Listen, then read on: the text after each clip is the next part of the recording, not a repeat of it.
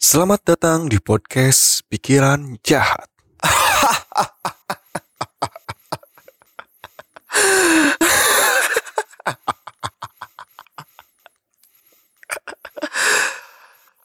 Bersama gue Alex, banyak orang yang bilang kalau pikiran gue terlalu jahat buat diutarakan.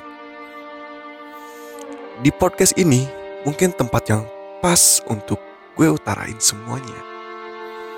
Dan lo sebagai pendengar, lo bisa nilai apakah pikiran gue jahat atau logis. Oh iya satu lagi. Di sini jika kalian punya pikiran-pikiran jahat daripada kalian lontarkan dan membuat sakit hati banyak orang, mungkin podcast ini adalah tempat yang tepat untuk kalian juga. Nanti gue bakal simpen email gue di bawah di deskripsi. Kalian bisa email di situ dan gue bakal bacain atau kalian mau bacain juga boleh.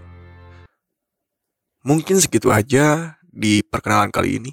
Tetap dengerin gue di podcast Pikiran Jahat.